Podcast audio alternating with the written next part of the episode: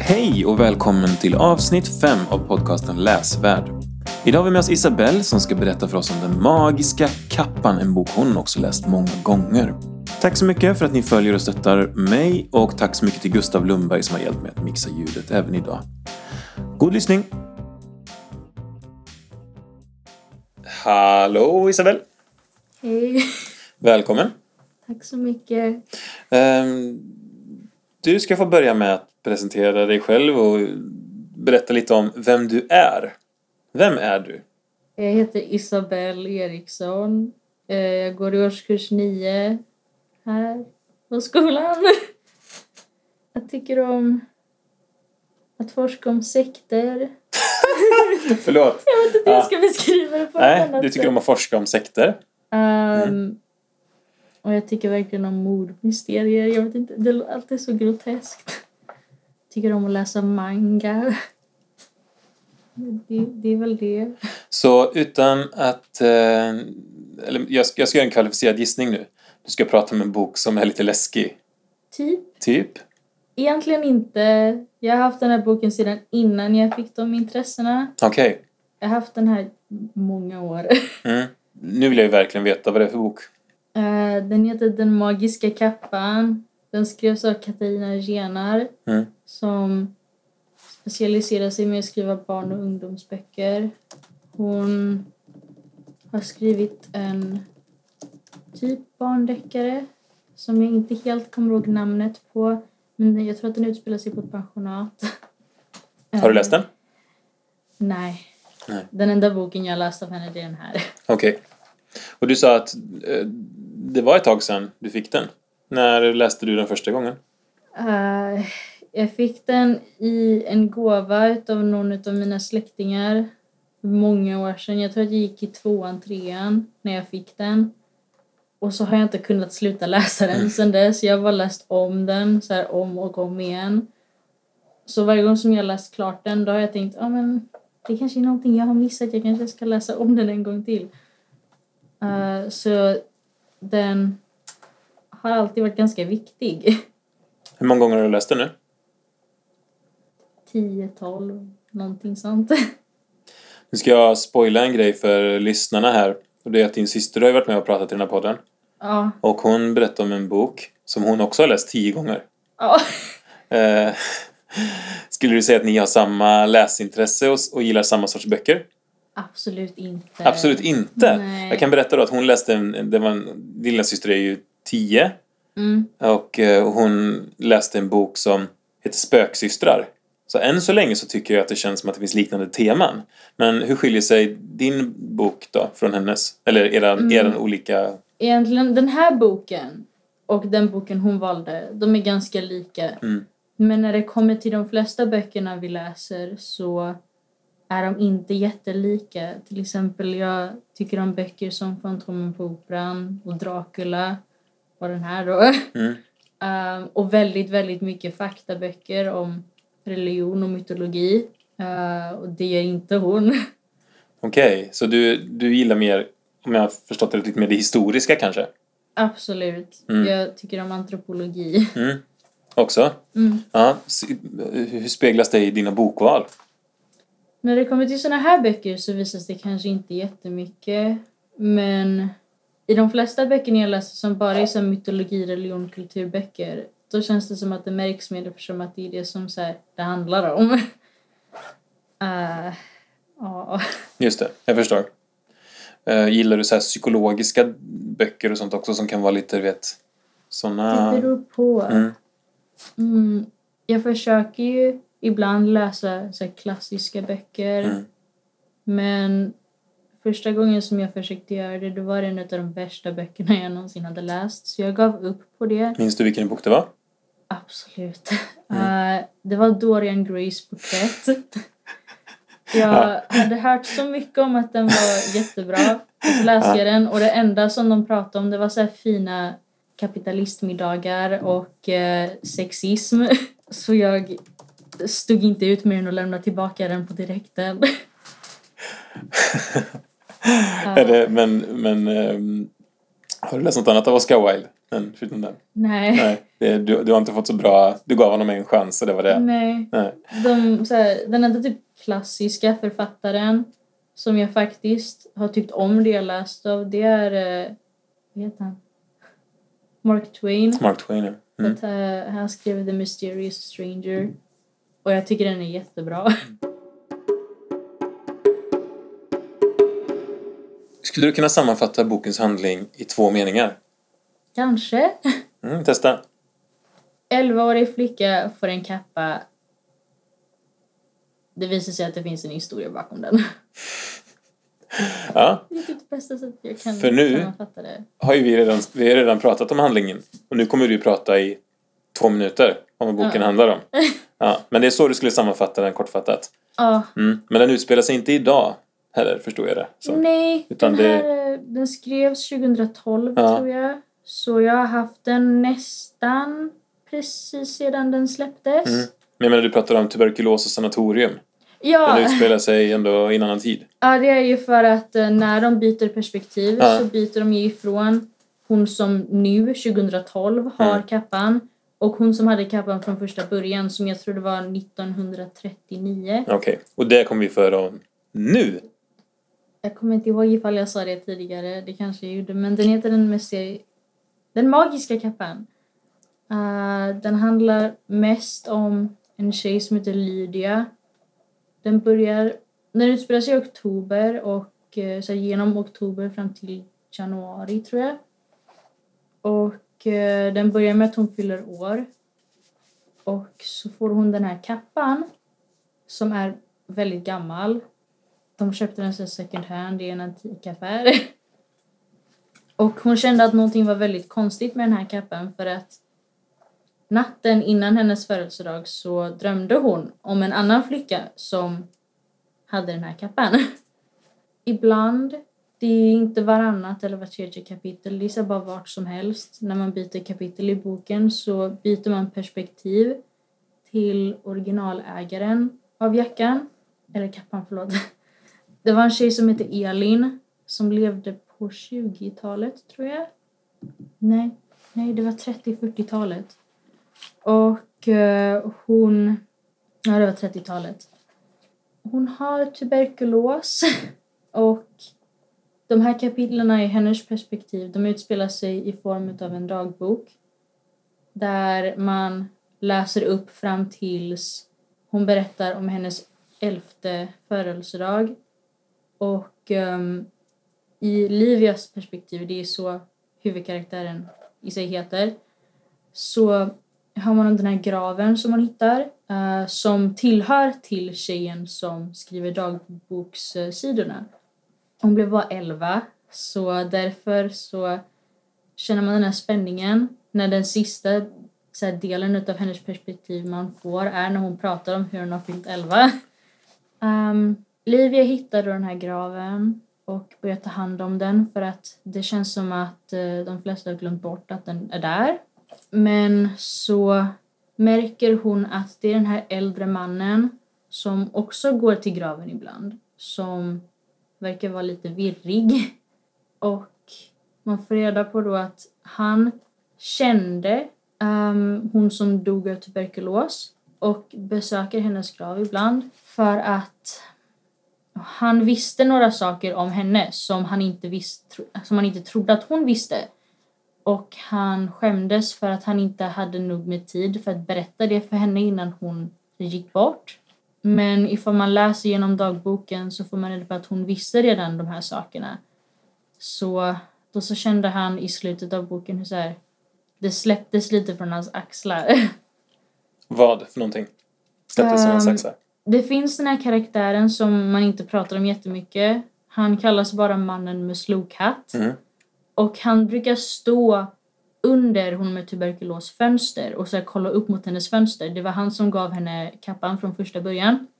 Och då får man reda på senare i boken att mannen med slokhatt var eh, Elin då, hon som gick bort med tuberkulos. Han var Elins pappa. Men hon visste inte om det eftersom att han hade satt in sig i otrolig skuld och behövde gå där, så här, åka därifrån innan, så här, precis efter att hon föddes. Mm, och han visste om det för att den här äldre mannen då hade hört det när han var barn. Uh, fast han kunde inte gå och berätta det för Elin då eftersom att hon hade tuberkulos och man kunde inte så här, gå in och träffa henne. För att de var väldigt fattiga så de hade inte råd med att åka till ett sanatorium. Men sen så när man läser genom dagboken så var man typ att hon hade redan en teori om att mannen med slowcat var hennes pappa. Så han mådde mycket bättre om det efter.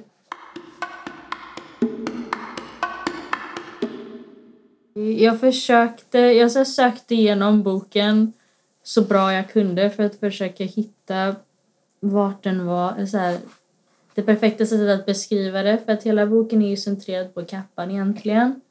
Så jag hittade en, ett litet segment ifrån just en av dagboksdelarna. Den utspelar sig efter att hon har fått kappan och så står det att hon har, hon har suttit och pratat med sin mamma. För att mamman vet ju om att mannen med slowcat är hennes far. Och hon vill inte att Elin ska få reda på det. Så hon vill inte att hon ska behålla kappan eftersom att den påminner henne om honom. Och det är där vi är Det är där vi är nu. Okej, Eh, jag försöker bara förklara Ja, jag varför. förstår. Det är jätte, jättebra. Men eh, varsågod. Jag är inte bra på att läsa högt. Vill du att jag ska gå ut? Nej, det behövs inte. Eh, kappan är vacker, sa hon, fast det är inte säkert att vi kan behålla den. Vi behöver få pengar till mat och medicin.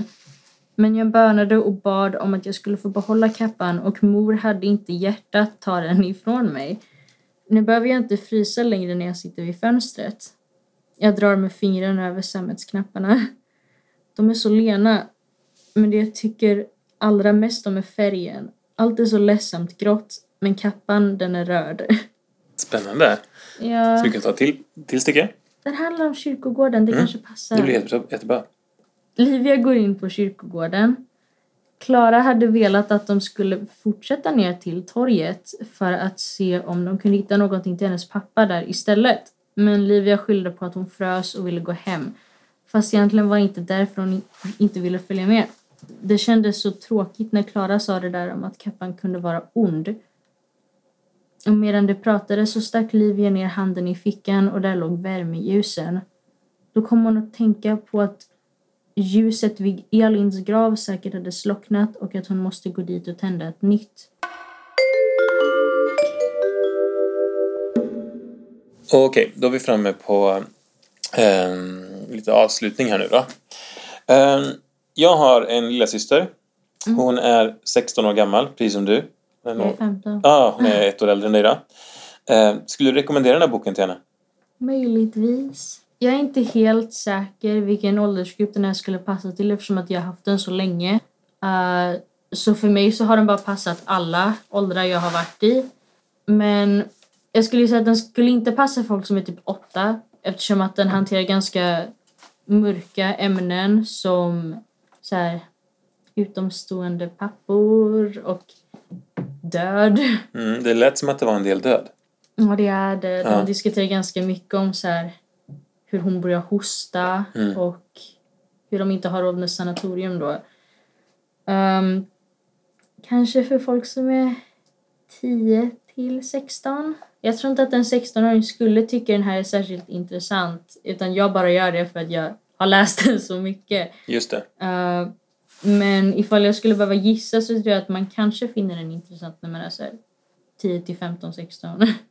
Just det, så att eh, du har en relation till den här boken och det är därför du gillar den fortfarande så mycket. Mm. Men du tror ändå att det finns 15-16-åringar som skulle kunna ta till sig den här boken och gilla den? Ja, för att vissa element av den här är väldigt vacker. Mm. Som precis i början så när Livia fyller år så beskriver de det här typ ljusbadet kallar de det. Mm.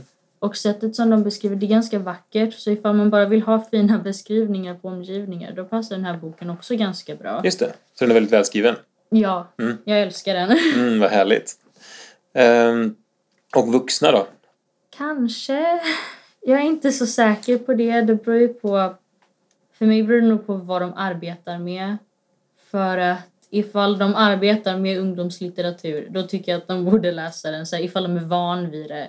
För jag tycker att den här är ganska annorlunda ifrån all annan ungdomslitteratur jag har läst. För att jag har inte läst någon ungdomslitteratur som faktiskt hanterar död så här, på en så låg ålder som 11 på samma sätt som den här boken. Jag tror inte ens att jag har läst en bok som har gjort det. Mm. Så den känns ganska unik på det sättet.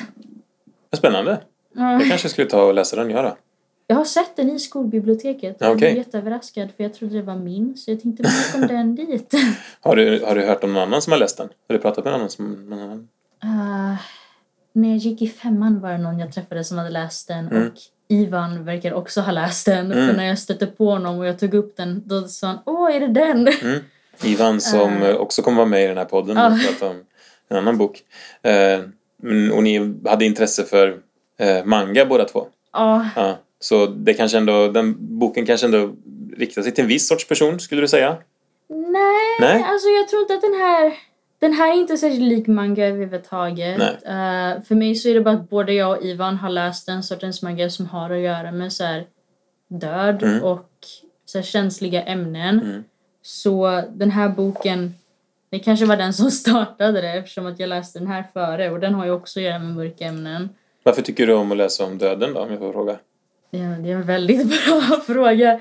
Egentligen borde jag inte göra det för jag blir så paranoid när jag läser sådana saker om att det kommer hända mig. Så egentligen borde jag inte tycka om det. Men för några år sedan, egentligen så började allting med att jag började tycka om sekter. För att jag var typ 12 och så blev jag jättefixerad på Aum Shinrikyo. Mm. Och, och så jag satt och så här, forskade jättemycket om det och då så fick jag höra jättemycket om sånt. Och jag har bara läst väldigt mycket mytologiböcker hela mitt liv, specifikt så nordisk mytologi och det har ju otroligt mycket att göra med död och blod och sånt. Så jag har mest bara växt upp med det, för att jag har bara tagit böcker jag har sett på hyllan eh, utan att någon visste om det. Men det är din sorts spänning kan man säga. Det, eller Ja. du, du gillar kanske inte så mycket action och sånt utan mer det här mystiska då. Ja, Mm. jag tycker att det är så svårt att få in action i böcker. Mm. Så jag föredrar att få så spänningen utav det på andra sätt. Det enda problemet är att nu har jag blivit lite så här inte lika störd utav groteska handlingar längre. Så nu är jag lite rädd för så typ ifall man skulle kolla på någon film och någon skulle bli skadad så skulle jag bara sitta där för jag är så van vid att läsa om det. Uh, och jag vet inte om det är en fördel eller en nackdel. Inte jag heller. Nej, exakt. det låter inte så bra. Jag tycker ändå det låter som att du har lite distans eh, till det. Du är inte helt, man behöver inte bli orolig. Eh, och jag behöver heller inte, eller tror du att du, hade du kunnat gå med i en sekt? Nej, Nej. absolut inte. Jag har sett så mycket dokumentärer om det så Mm. att jag vet hur de brukar fungera inifrån. Mm. Så det skulle inte ens vara en bra idé ifall någon försökte anlita mig in i en sekt. För jag skulle redan veta vad det var som hände. Just det. Världens sämsta sektmedlem. Ja, exakt. Jag skulle vara hemsk i en sekt. Ifall jag inte var så högt upp i den. Va? Vad menar Vad sa du nu? Ja, liksom de som är högt upp, de vet ju också hur det fungerar. Ja. Så där skulle det förmodligen, där skulle jag inte vara världens värsta sektmedlem. Men ifall Nej, de skulle så försöka anlita mig Mm. på direkten, då skulle det inte gå bra. Dessutom är jag för nervös för att ens tacka ja till olika inbjudningar. Så jag hade inte kommit dit i alla fall. Men du hade kunnat vara en manipulerande sektledare som startade en egen absolut Nej, inte. inte, inte det. Jag får sån ångest av bara tanken av att prata med människor jag inte känner. Så att leda en hel sekt skulle inte gå så bra. Hur kändes det att vara med i den här podden då? Nervöst. Nervöst. Bara tanken av att folk kommer höra det jag säger. Jag tror att folk kommer lyssna på detta och eh, kan vissa kanske till och med identifiera sig i det du säger. Möjligtvis. Mm. Så att Ivan kommer göra det.